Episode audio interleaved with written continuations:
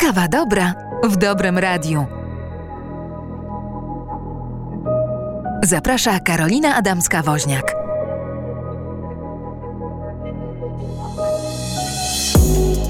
Witam Państwa serdecznie w kolejnej kawie dobra. Mm, mam wrażenie, że każdy z nas teraz mógłby zalewać się tą kawą, bo ten świat tak bardzo potrzebuje dobra tu i teraz, że ta kawa dobra, w ogóle dobro, możemy teraz wypijać, spijać, czy tworzyć e, naprawdę w ogromnych ilościach e, i nie będzie za dużo. W dobrze, w dobru, być, byciu dobrym nie ma przesytu. I o tym będziemy rozmawiać dziś e, z moimi dwiema towarzyszkami przy kawie dziś, bo dziś taka pewnie bardziej rozmowa niż moje pytania. Pochylimy się wspólnie z Kasią Zagórską, która reprezentuje Fundację Dom na Skalę i z Justyną Nowicką e, reprezentującą portal misyjne.pl. Między innymi o tym, jak odnaleźć się w tej zmieniającej się nowej rzeczywistości, gdzie w naszym kraju, w naszym mieście i w naszym domu są nasi sąsiedzi z Ukrainy, bo ich kraj dotknęła wojna i przyjechali tutaj po to, żeby chyba uciec od śmierci. Jak tak. myślisz, Justyno?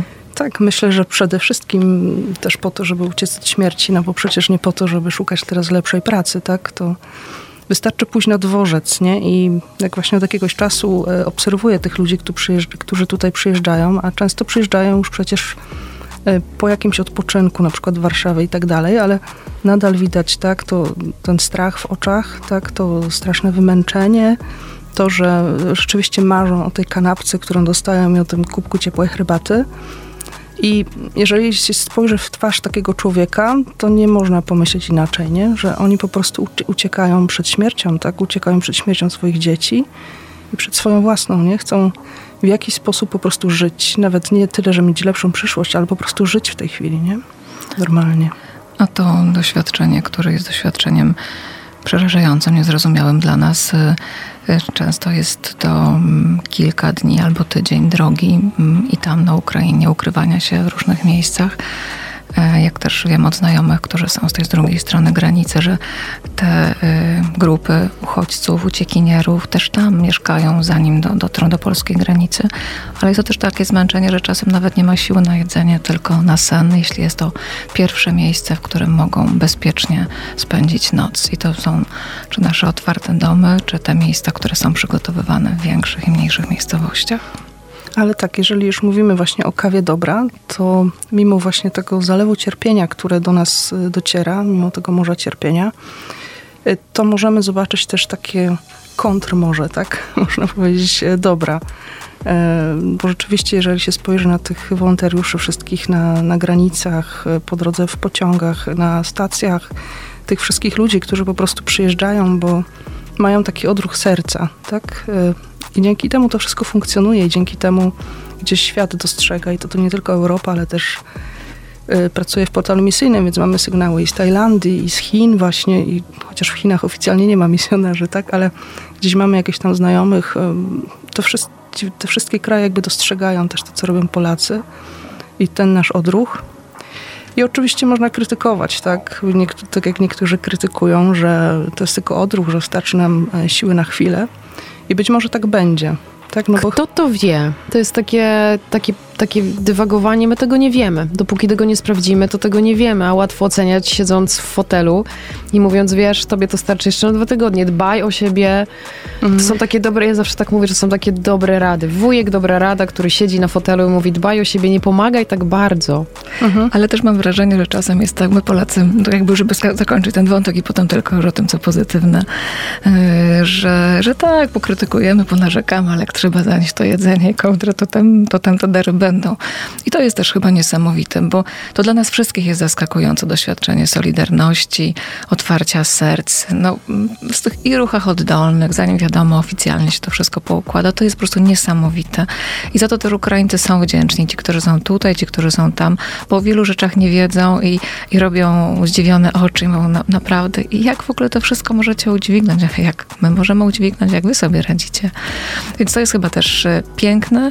To, że jeszcze to się jakoś wpisuje y, to słońce, które świeci błękit nieba, żeby chociaż może trochę pomóc tym, którzy i tak marzną i gdzieś tam stoją w tych kolejkach na granicy, czy za chwilę będą sobie robić zdjęcia, muszą uzupełnić dokumenty, ale to wszystko ogarniamy jakimś naszym zaangażowaniem i to dla nas wszystkich chyba jest rzeczywiście, tak jak nazwa twojej audycji, ta, ta kawa dobra, bo to jest niesamowite i to jest piękne i też, żeby się tym jakoś wspierać, cieszyć i ładować akumulatory albo mobilizować tych, którzy, którzy są właśnie w tych fotelach i zostali na kanapie. Ale tak jak też powiedziała właśnie Karola, kto to wie, tak? My nie bierzemy też pod uwagę często, znaczy my, ci malkontenci powiedzmy, nie biorą pod uwagę tego, że samo pomaganie zmienia człowieka, tak? I samo to, kiedy my widzimy wdzięczność tych ludzi, że nasz najmniejszy gest, czyli nie wiem, 20 kanapek, które zaniesiemy na dworzec, to jest konkretna pomoc, która realnie poprawia na ten moment komuś dzień, tak? Pomaga mu po prostu żyć. E, to coś, coś jest to zmienia coś w nas, tak? I my możemy e, też odkryć w, tobie, w sobie e, wciąż nowe pokłady i nowe siły do tego, żeby e, nadal kontynuować to, co robimy, tak? Tak, pomaganie pomaga. Ja sama mam doświadczenie w wolontariacie 20-letnie. Przez 20 lat, od 20 lat, bo to nie jest koniec, więc od 20 lat pomagam spełniać marzenia chorych dzieci w Fundacji Mam Marzenie i doświadczam tego, że pomaganie pomaga i temu, któremu pomagamy, ale temu, który pomaga. To jest niesamowite, że w pomaganiu są obie strony tej relacji zyskują. To jest tak piękna relacja, że, że, że tu jest zwycięzca i tu jest zwycięzca. Ten obdarowany jest tak naprawdę. Um, oddaje nam swoją energię, coś, cokolwiek, nie wiem co to jest, ale, ale w tej relacji obie strony rosną. Mhm. Więc tak myślę, że to jest jedna z piękniejszych relacji w ogóle, której możemy doświadczać. I to, co się zadziało teraz w Polsce, myślę, że to jest absolutnie fenomen na skalę światową. Mhm. To, co my Polacy zrobiliśmy, ten nasz zryw, który jest takim naszym zrywem. I to jest też fajnie, że ta mobilizacja idzie od nas, jest wewnętrzną mobilizacją. To nie jest tak, że ktoś stanął na mównicy i powiedział, teraz ty musisz pomagać. Tylko to jest coś, co my poczuliśmy, każdy z nas indywidualnie poczuł w środku, w sercu i to jest ta motywacja wewnętrzna, która dla mnie jest absolutnie najbardziej doskonała w pomaganiu, bo jest moja. I skoro ja czuję, że ja powinnam pomagać, to robię to najpiękniej, jak potrafię, i to pomaganie wtedy jest piękne. I my tego doświadczamy w Polsce. Dla mnie jest to niezwykle wzruszające. Ty... To jeszcze tylko do, dopowiem, że zauważcie, że właściwie pomagają wszyscy, bo mamy doświadczenia jakieś społeczne, duszpasterskie, fundacyjne w grupie zawsze raźniej, ale to niekoniecznie, wiesz, tych oddolnych inicjatyw, osób, które po prostu się organizują w mediach społecznościowych i chcą, e, organizują się we wspólnotach e, sąsiedzkich, parafialnych, e, w pracy. No to właśnie to jest to, co powiedziałaś, tak? Jakby w bardzo różnych wymiarach i w bardzo różny sposób, na tyle, na ile, na ile tyle mogę. Tak, bo każdy może, każdy może pomagać i to też ja chciałabym, żebyśmy tutaj też po, poobalały trochę mitów związanych mhm. z pomaganiem, bo pomaganie często kojarzy się z tym, że ja muszę dać pieniądze, a to nie jest, teraz doświadczamy, że to pomaganie nie tylko jest o tym, przede wszystkim jest o czymś innym, o podarowaniu swojej uważności, czasami tylko, a, a lub aż, o podarowaniu czasu, umiejętności, doświadczenia, można zrobić kanapki i to jest przeogromne pomaganie. Ty, Justyno, doświadczasz tego, bo chciałabym cię teraz wypytać o to, jak e, obserwujesz ten wolontariat, bo jesteś obserwatorką tego wolontariatu, tego wielkiego ruchu, który teraz jest. Mhm. Jak ty to widzisz? Jakie masz spostrzeżenia? Czym nas tutaj jeszcze z, z podładujesz? e, oczywiście jest to... E, że tak powiem, pospolite ruszenie, tak? I są grupy, które są troszkę bardziej sformalizowane, gdzie trzeba się zapisać, gdzie jest jakieś szkolenie ale są też, i tak działa na przykład Caritas. Szkolenie jest bardzo króciutkie, ale jednak jest, jednak jakiś formularz trzeba wypełnić. Ale są też grupy, które działają zupełnie spontanicznie, to znaczy grupy, które działają na dworcu. I tam na przykład są grupy facebookowe, tak. Y, peron odnośnie, piąty na tak, przykład. Tak, tak, to jest pociąg 2257, peron piąty, tak. I tam często przyjeżdża jeden pociąg, ale czasami dwa lub trzy raz za razem i jeden pociąg to jest 600 osób, a jeżeli przyjeżdżają trzy, no to można sobie wyobrazić, jaka to jest spora liczba ludzi. No ale w każdym razie to jest taka grupa dość nieformalna, tak. Tam można po prostu przyjść, przynieść kanapki, przynieść cokolwiek do jedzenia, do picia. Można też przyjść, powiedzieć, e, słuchajcie, chcę wam pomóc. Dostaje się wtedy kamizelkę i konkretne zadanie, przeniesienie tego tu czy tam. Czy A komu to mówię? Bo ja z pozycji takiej właśnie siedzę w fotelu i, i mam, czuję ten zryw serca, czuję, że chcę coś mhm. zrobić i, i, i, czasami myślę, że blokuje nas to, że nie wiemy jak i gdzie pójść. Tutaj mhm. to jak idę na ten dworzec i kogoś spotykam ten, w tej kamizelce. Y, tak, w tej kamizelce. Znaczy idę na dworzec i tam jest taki punkt zbiorczy przed y, starą halą dworca PKP. Tak? Też tuż obok tej nowej hali. I tam są takie namioty strażaków, którzy tam, te namioty są ogrzewane, tam jest pomoc medyczna i tak dalej.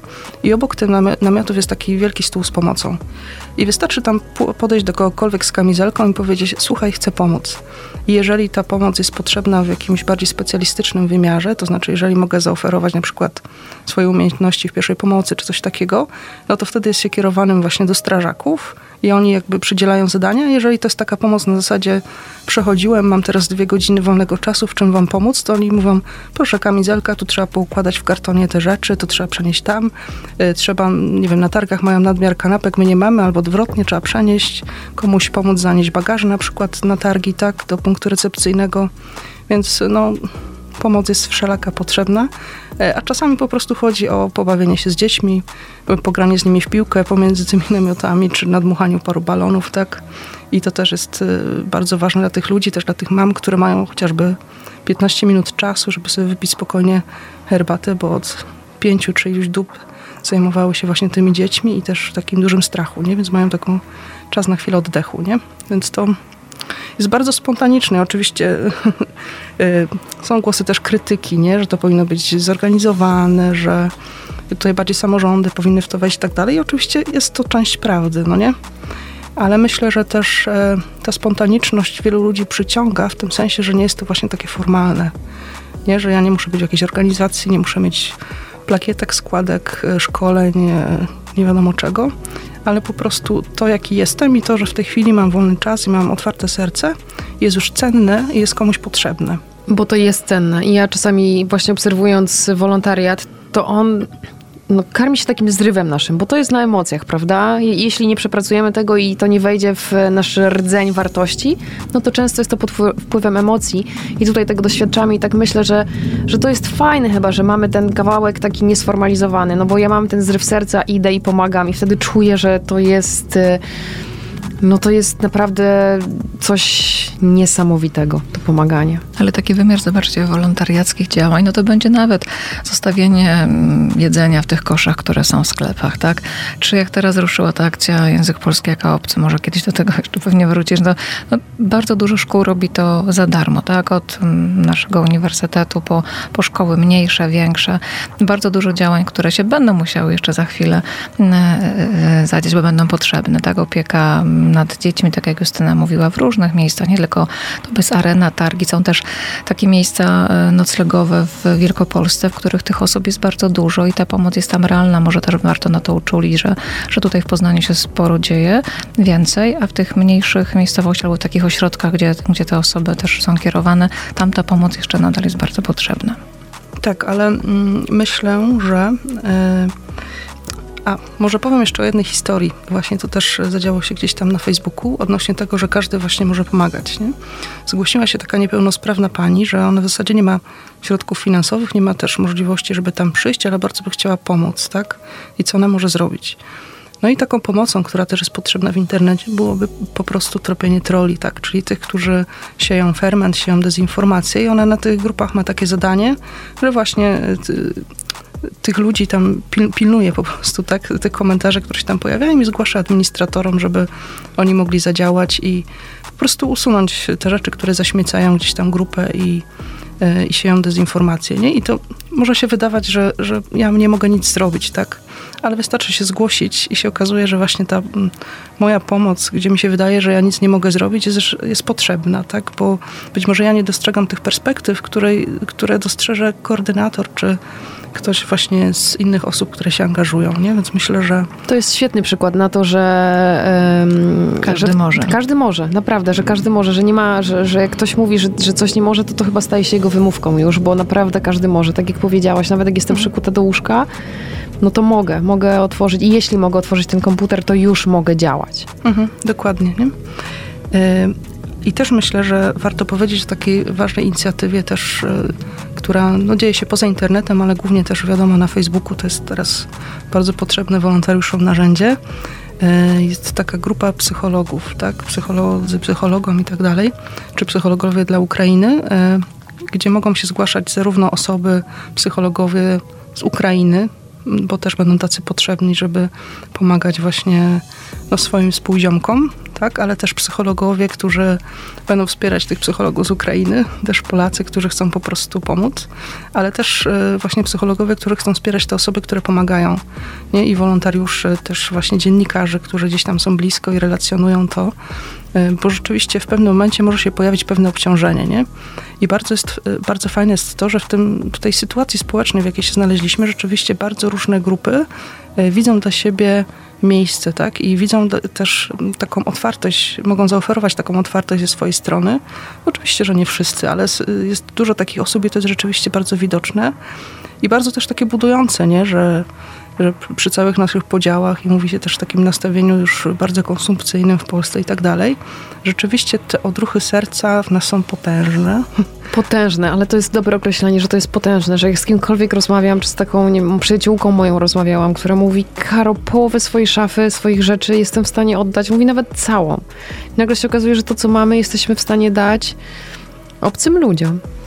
No ale też, że, że też z, z, każdej strony mamy te informacje gdzieś tam no, na Facebookach, Whatsappach, ale też to, co Justyna powiedziała, wydaje mi się, że jest ważne i to możemy tylko przypominać, że też ta, ta społeczność ukraińska, która była wcześniej, oni też się zorganizowali. Te przedszkola, które powstały tak od razu, żeby gdzieś tam dzieci mogły się mm, swoim językiem posługując na te maluchy mm, i czuć bezpieczne. Y, ale to, co też jest bardzo ważne, to rzeczywiście nauczyciele i mm, psychologowie, którzy znają ukraiński, no albo, albo, albo są stamtąd, a już wiem, że są też, bo, bo o tym Justyną wcześniej rozmawiałyśmy.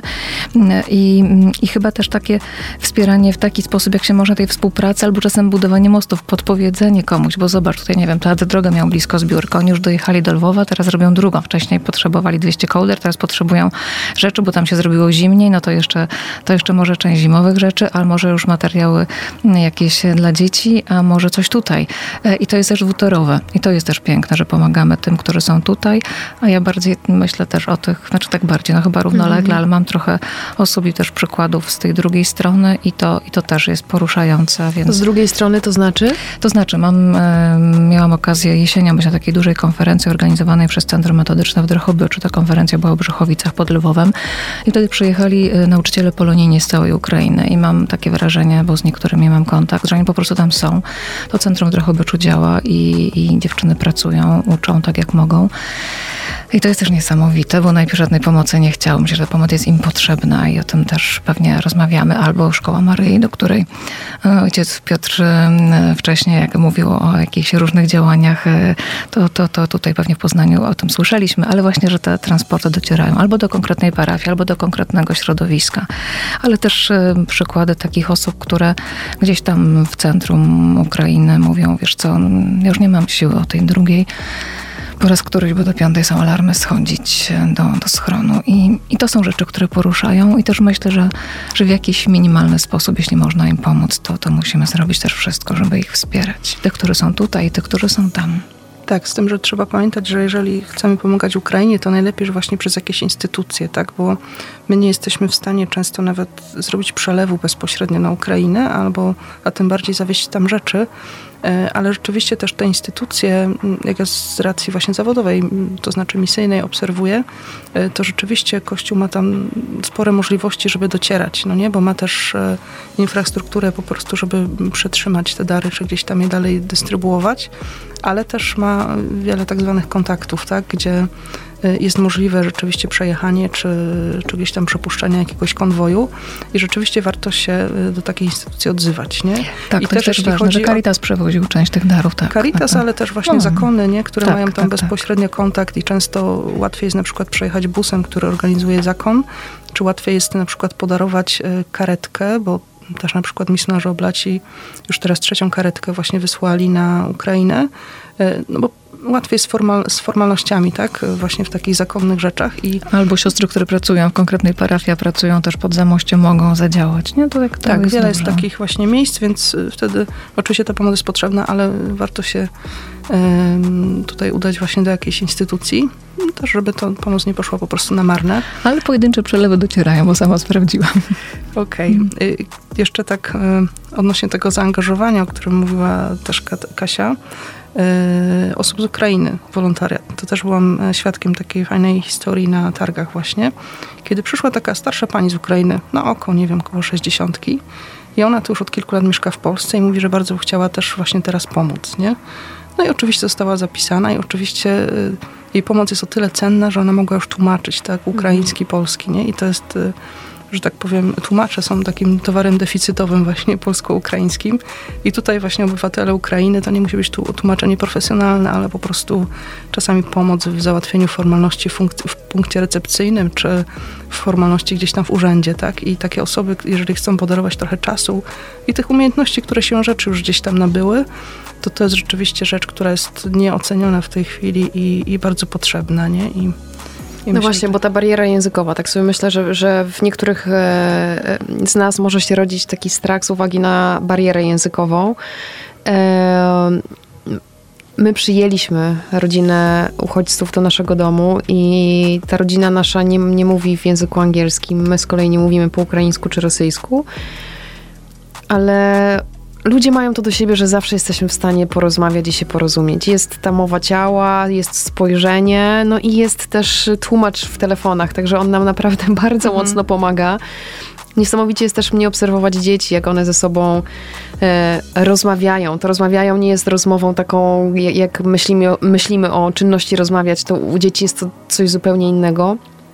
Ale ja dzięki temu doświadczam, że człowiek to człowiek, po prostu. Niezależnie od tego, jakim posługuje się językiem, jeśli my wszyscy mamy dobre intencje, to jesteśmy w stanie zawsze nawiązać porozumienie.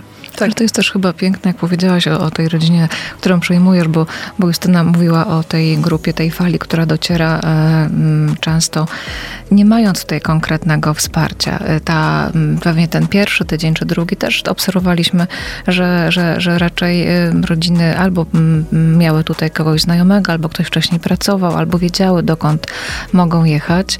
E, I to jest też niesamowite, bo są otoczone opieką. Teraz jest ten kolejny etap, kiedy to wsparcie wolontariackie będzie potrzebne, albo nawet, no właśnie takie proste i nieproste rzeczy, załatwianie czegoś w tej chwili w urzędzie, a jednocześnie takie, mm, mam wrażenie, niesamowite z ich strony mm, zaangażowanie i poczucie, że chce się szybko uczyć polskiego, bo chce iść do pracy, chce oddać dzieci do przedszkola, do szkoły, żeby właśnie można się usamodzielnić. Pewnie, że nie wszyscy i nie od razu i też możemy mm, trochę też Państwa uczulić, bo bo, bo będą takie mamy, które mają trójkę małych dzieci i są może troszeczkę mniej odważne, może inne mają doświadczenia. I są takie panie niesamowite, które mimo trójki małych dzieci już ruszają do pracy. E, jej siostra jest, nie wiem, w szpitalu, bo rodzi też dziecko, a to się wszystko dzieje. Także mm, to towarzyszenie i to, to o czym Karola powiedziała na początku, że gościmy w domu, no właśnie, mamy gości. A jeśli mamy gości, to akceptujemy i te łatwiejsze momenty i te trudniejsze, one też będą, ale towarzyszymy i chcemy ten czas przeżyć razem pod jednym dachem albo, albo łącząc się nie, na osiedlu, gdzieś tam w tych naszych blokowiskach czy, czy w osiedlach różnych, się kontaktując w parafiach, we wspólnotach. Tych y, problemów językowych naprawdę bym się nie bała.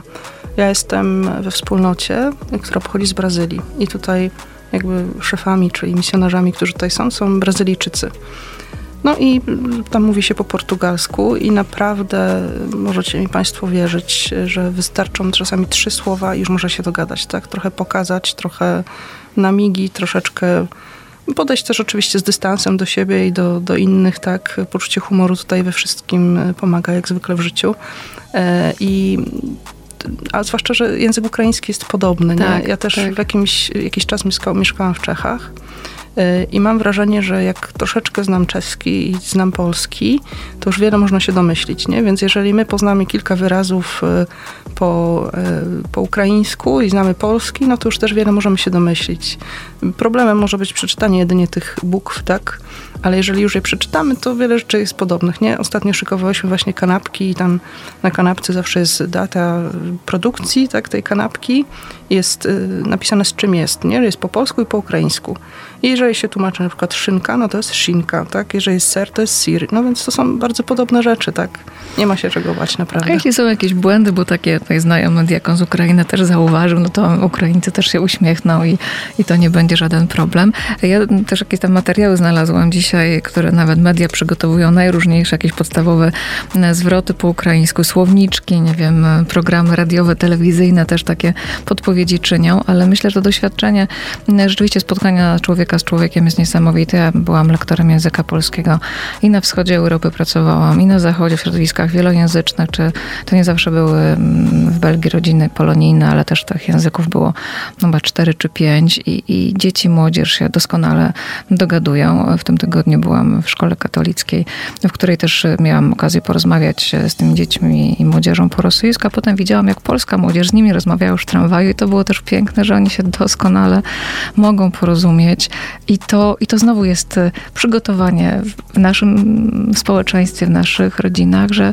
że, też, że też to widać od najmłodszego do najstarszego. Pewnie też tym, którzy są może bardziej sceptyczni, zachowawczy, trzeba pewne rzeczy po prostu spokojnie tłumaczyć, że, że na pewno bariera językowa to jedno, ale kwestia socjokulturowa, jakiegoś też przygotowania, wzajemnej akceptacji też jeszcze jest przed nami.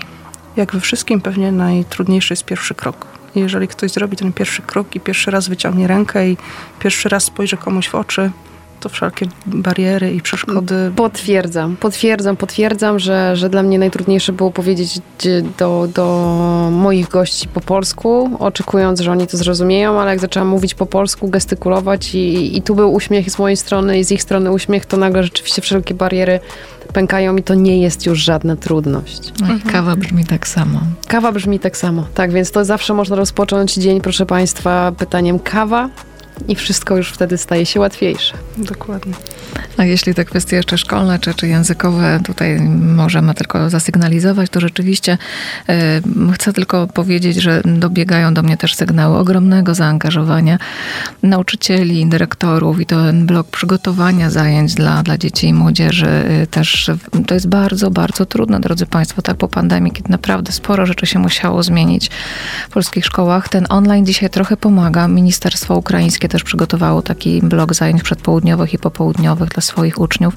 To też jest kwestia no, no heroizmu w takich warunkach, ale też zaangażowania, na ile będziemy mogli im pomóc. Być może czasem to będą kwestie sal komputerowych w szkole, może jakiegoś sprzętu, który no, na telefonie to trochę pewnie trudno, więc, więc o tym też pamiętajmy. To kolejny, kolejny krok. Ale jak e, też Karola mówiła o tej rodzinie swojej, to, to też pewnie każda z nas mogłaby podać ileś nazw fundacji, rodzin, y, nie wiem, takich czy innych przyjmujących rodzin, nie wiem, właśnie duszpasterskich. No, siostra uczennicy Krzysztof w Musinie, czy, czy tutaj też w Poznaniu na Żegrzu, ale e, zauważcie Państwo, że to nie było problemem, tak, żeby się szybko dało odświeżyć jakieś mieszkanie, tak, albo właśnie, albo gdzieś tam mały domek e, na, na, na raczej na czas rekolekcyjny, albo, albo mieszkanie po babci i to po prostu służy. Albo pokój dzieci. My oddaliśmy jeden z pokoi naszych dzieci po to, żeby dać schronienie rodzinie ukraińskiej. Też, to też chciałabym Państwu powiedzieć, że ja dostałam z kolei taki komentarz, że ja, ktoś tam mnie mówi, super, że Ty przyjęłaś, ja nie mogę przyjąć, bo nas cały czas w domu nie ma. A ja mówię, wiesz, ale nas też cały czas w domu nie ma i pomyślałam sobie, że szkoda, żeby ten nasz dom stał pusty. Więc skoro nas e, nie ma w domu, bo dzieci są w szkołach i przedszkolu, my z moim mężem pracujemy i ten dom cały dzień stoi pusty, to niech ktoś w nim mieszka. Mhm. Także tak naprawdę spotykamy się wieczorami i w nocy jest nas dużo, ale w nocy jak śpimy, to nikt nikomu nie przeszkadza. Więc super, że ktoś może z tego domu naszego skorzystać. No to świetne podejście. Mhm. To jest, e, ja rozmawiałam z, z moim gościem, z moją gościnią, która jest u nas w domu z rodziny ukraińskiej. I pytałam ją też, jak ona to widzi, jak, e, jaki przekaz chciałaby dać nam, Polakom, ze swojej perspektywy. I powiedziała mi, że ona prosi, żebyśmy byli cierpliwi. Bo wszyscy uciekający ze swojego kraju są w dużej traumie i każdy może się zachowywać różnie i nie zawsze będzie to życzliwość, nie zawsze będzie to wdzięczność. Każdy z nas różnie przechodzi traumę, a to, czego doświadczają ci ludzie, to jest największa trauma, jaką kiedykolwiek można w życiu sobie nawet wyobrazić, chociaż to jest pewnie niewyobrażalne dla, dla kogoś, kto tego nie doświadczył. Więc ja poprzez swoje usta, ale przekazuję Państwu taki apel e, Ukrainki, żebyśmy byli cierpliwi. Mhm. Ale myślę, że jeżeli też podejdziemy właśnie z taką otwartością do drugiego człowieka, żeby tak jak to potrafimy, mimo wszystko Polacy, jeśli chcą, to potrafią. E, jeżeli będziemy po prostu słuchać siebie nawzajem, nie, to po pierwsze nam też pomoże wyjść ze swoich schematów i ze swoich takich ograniczonych horyzontów i też się być może czegoś nauczyć i o życiu, i o drugim człowieku, i o sobie samym, e, ale też pomoże tym ludziom, nie? I wtedy, jeżeli siebie słuchamy, to ta cierpliwość się znajduje, nie? Bo słuchanie też rodzi pewną empatię, przyjęcie i taką prawdziwość spotkania, nie? Więc myślę, że że i to jako Polacy z siebie wykrzesamy. Trenujemy tę otwartość teraz. Naprawdę ja myślę, że, mm, że to dla nas też jest e, dużo dobra. Płynie z tego, co się teraz dzieje dla, dla całego narodu, dla Polaków. Myślę, że my zdajemy ten egzamin. Ja jeszcze raz powiem, że jestem no, przeszczęśliwa patrząc na to, jak my Polacy się zachowujemy teraz i dla mnie to jest dowód naprawdę największej miłości człowieka do człowieka. Mhm. To jest niesamowite. Zgadza się. Jaki jeszcze, jaki, jaki macie dziewczyny, może nie receptę, bo nikt z nas nie ma recepty. Dla każdego z nas jest to sytuacja nowa, także nawet nie możemy o tym poczytać, żeby wiedzieć, jak się zachowywać. Ale jak my, Polacy, jeszcze możemy... Mm, może nie pomagać, ale żebyśmy już osiedli w tej rzeczywistości, że obok nas są ludzie, którzy mówią trochę inaczej. Oni będą korzystali z tych samych e, dóbr, co my. Będą chodzili pewnie do tego samego lekarza za chwilę, do tej samej szkoły, do przedszkola. Być może znajdą się też w naszej pracy. Jak, e, jak się zachowywać, czy co robić, żeby to nas nie wiem, czy to może nas jeszcze przestraszyć, czy już nie. To też mi się jakiś taki przykład przypomina, nie wiem, znajomych, nieznajomych, e, którzy mówili, Ej, a nie przedstawiłaś nam, nie wiem, tam swojej przyjaciółki, no, nieważne, czy ma inny kolor skóry, czy inną narodowość, ale właśnie mamo, tato, bo dla mnie to nie ma znaczenia. I to właściwie jest wszystko, że to jest drugi człowiek czy to będzie Sasza, czy, czy Ingor, nieważne, tak? Natomiast y, to pewnie z dwóch stron też wymaga mm, tej y, cierpliwości, o której powiedziałaś i, i szacunku, mm, ale też, ale też dania szansy sobie na, na jakieś nowe otwarcie, nowe doświadczenia. Możemy oczywiście myśleć właśnie, a co będzie w, w tych przedszkolach, w szkołach, w przychodniach, ale możemy poszukać jakichś nowych rozwiązań, bo być może jakaś z pielęgniarek będzie chciała pomóc y, w opiece nad starszymi osobami, a może ktoś nam pomoże w innych kwestiach, a może mm, nasze dzieci mogą się nauczyć innego języka. No nie wiem, to jakby... Czyli żeby na wszystko patrzeć jako na e, możliwość. Każda tak, sytuacja niech szansę. będzie możliwością, nową szansą, nową szansą też na rozwinięcie naszych kompetencji, wyjście z naszej strefy komfortu. Niech to wszystko będzie dla nas... E, no, czymś dobrym, w czym tak, i my tak, możemy tak. poznawać i odkrywać siebie. Bo czasem nawet tak się czujemy trochę, może nie, że zażenowani tym podziękowaniem. Ja wczoraj przy jednym ze sklepów rozmawiałam z panią Ukrainką, która już e, z inną fundacją, działając w takim stroju odpowiednim, zbiórkę była również czyniła i mówi, no ja jestem w lepszej sytuacji, bo mój syn ma kilkanaście lat, tak, a, a inne mamy, które mają małe dzieci, to niekoniecznie, ale został mąż, został ogródek i tego w tym roku nie będzie, więc te ich małe i duże tęsknoty też w tym wszystkim są, więc traumy, które są tutaj, jedni mają w telefonach coś, czego byśmy nie chcieli oglądać. Ich dzieci też to widziały i właśnie mogą reagować inaczej, ale, ale z nadzieją na pewno. Myślę, pytałaś o to, co może nas przestraszyć jeszcze ewentualnie. Myślę, że albo zniechęcić. Myślę, że taką rzeczą może być ewentualnie dezinformacja, tak? Jeżeli nie będziemy odpowiednio czujni na informacje, na to, skąd one do nas docierają, tak? I jakie treści są tam przedstawiane i tak dalej, y, wtedy część, myślę, Polaków może się temu poddać, nie? bo y, to nie będzie żadna tajemnica, ale grupa Anonymous, czyli tych hakerów, którzy działają w sieci, oni zbadali, że treści właśnie takie mm, powiedzmy dezinformujące ze strony rosyjskiej są często przesyłane przez kanały, które wcześniej były budowane w czasie, w, w celu jakby mm, budowania postaw antyszczepionkowych i antykowidowych. Tak? Y, I myślę, że że te grupy mogą być teraz w dużej mierze, jeżeli ktoś był przeci przeciwny szczepionkom, jakby nie wchodząc w tutaj analizę tego, czy słusznie, czy nie, ale trzeba mieć świadomość, że jeżeli z jakichś tam względów jestem przeciwny szczepieniom na przykład, to więcej takich treści antyuchodźczych, tak, czy takich treści prorosyjskich, czy proputinowskich może do mnie docierać.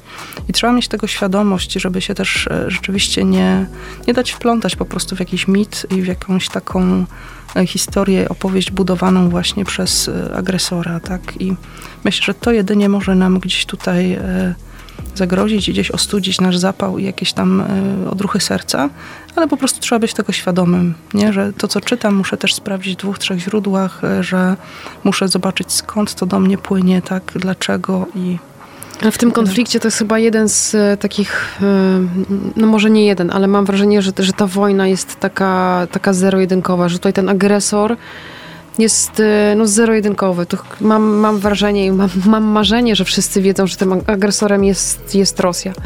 Że, że nawet jak gdzieś przeczytam jakiś e, inny przekaz, no, że to, to ufam, że, że w każdym z nas zapali się jakaś lampka, że to jest fake news, że to nie może być prawda, bo ten agresor jest tu jeden, jedyny, tylko i wyłącznie. To jest Putin i jego, jego wojsko. Tak, w tej chwili myślę, że jeszcze mamy tą pewność, ale myślę w perspektywie na przykład e, za 3-4 miesiące na przykład, nie? Kiedy możemy odczuć zmęczenie z jakiegoś powodu i gdzieś tam zasieje nam się wątpliwość, a może to jednak jest inaczej, nie? Tak. I wtedy, w tym momencie bardzo musimy pamiętać, że nie, nie jest inaczej. Mhm. Nie? Że to, co przez ileś miesięcy i tygodni do tej pory obserwowaliśmy, to właśnie tak jest. A ktoś próbuje w nas zasiać wątpliwość z jakiegoś konkretnego powodu. Właśnie z tego powodu, żebyśmy zgasili nadzieję w Ukraińcach, że nikt im nie pomoże, że są sami, że muszą się poddać. I to jest y, przekaz właśnie tej całej propagandy i na to musimy być wrażliwi i w, u siebie, i w środowisku. Nie wchodzić może w wielkie dyskusje, ale po prostu ignorować, to jest najlepsza broń.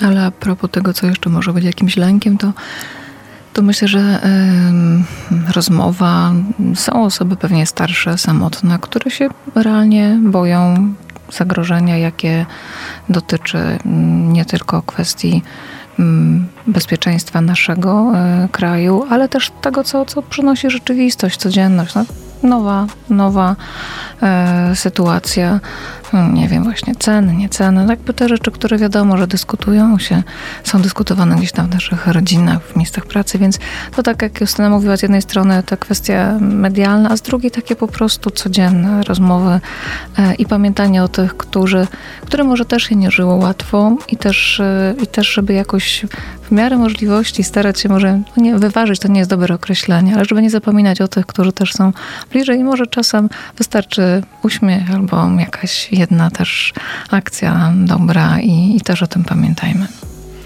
Bo tak niewiele pewnie ty, e, Justyno, e, obserwując to, co się dzieje na dworcu, pewnie e, masz w to wgląd, że tak niewiele człowiekowi drugiemu potrzeba, prawda? Mhm. My w tym całym zabieganiu, w tym całym świecie, myślę, że jak, jak spojrzymy wstecz na rok, nie wiem, 2018 i wrócimy pamięcią do tego, za czym my biegaliśmy wtedy, a teraz przeniesiemy się w tu i teraz i za czym teraz biegamy, to mam wrażenie, że będzie przewartościowanie zupełnie życia.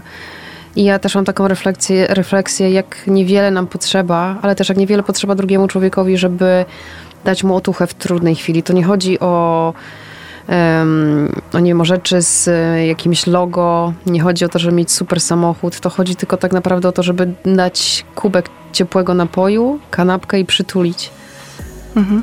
Myślę, że to rzeczywiście może być, e, możemy nawet tak powiedzieć, e, trochę wielkopostnie, tak? taki czas zmożonej jakby e, świadomości siebie i takiej troszeczkę rewizji, nie? Bo i to może być w prostym momencie, kiedy spojrzymy na swoją szafę z ubraniami, tak? I zobaczymy, że tak naprawdę przeciętna Polka połowę z tego, co ma, nie potrzebuje. Umówmy się, tak jest.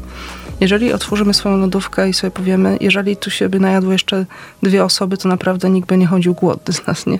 No tak jest, tak, takie mamy realia i takie mamy też e, troszeczkę dobrobytu w Polsce i myślę, że warto sobie uświadomić, nie?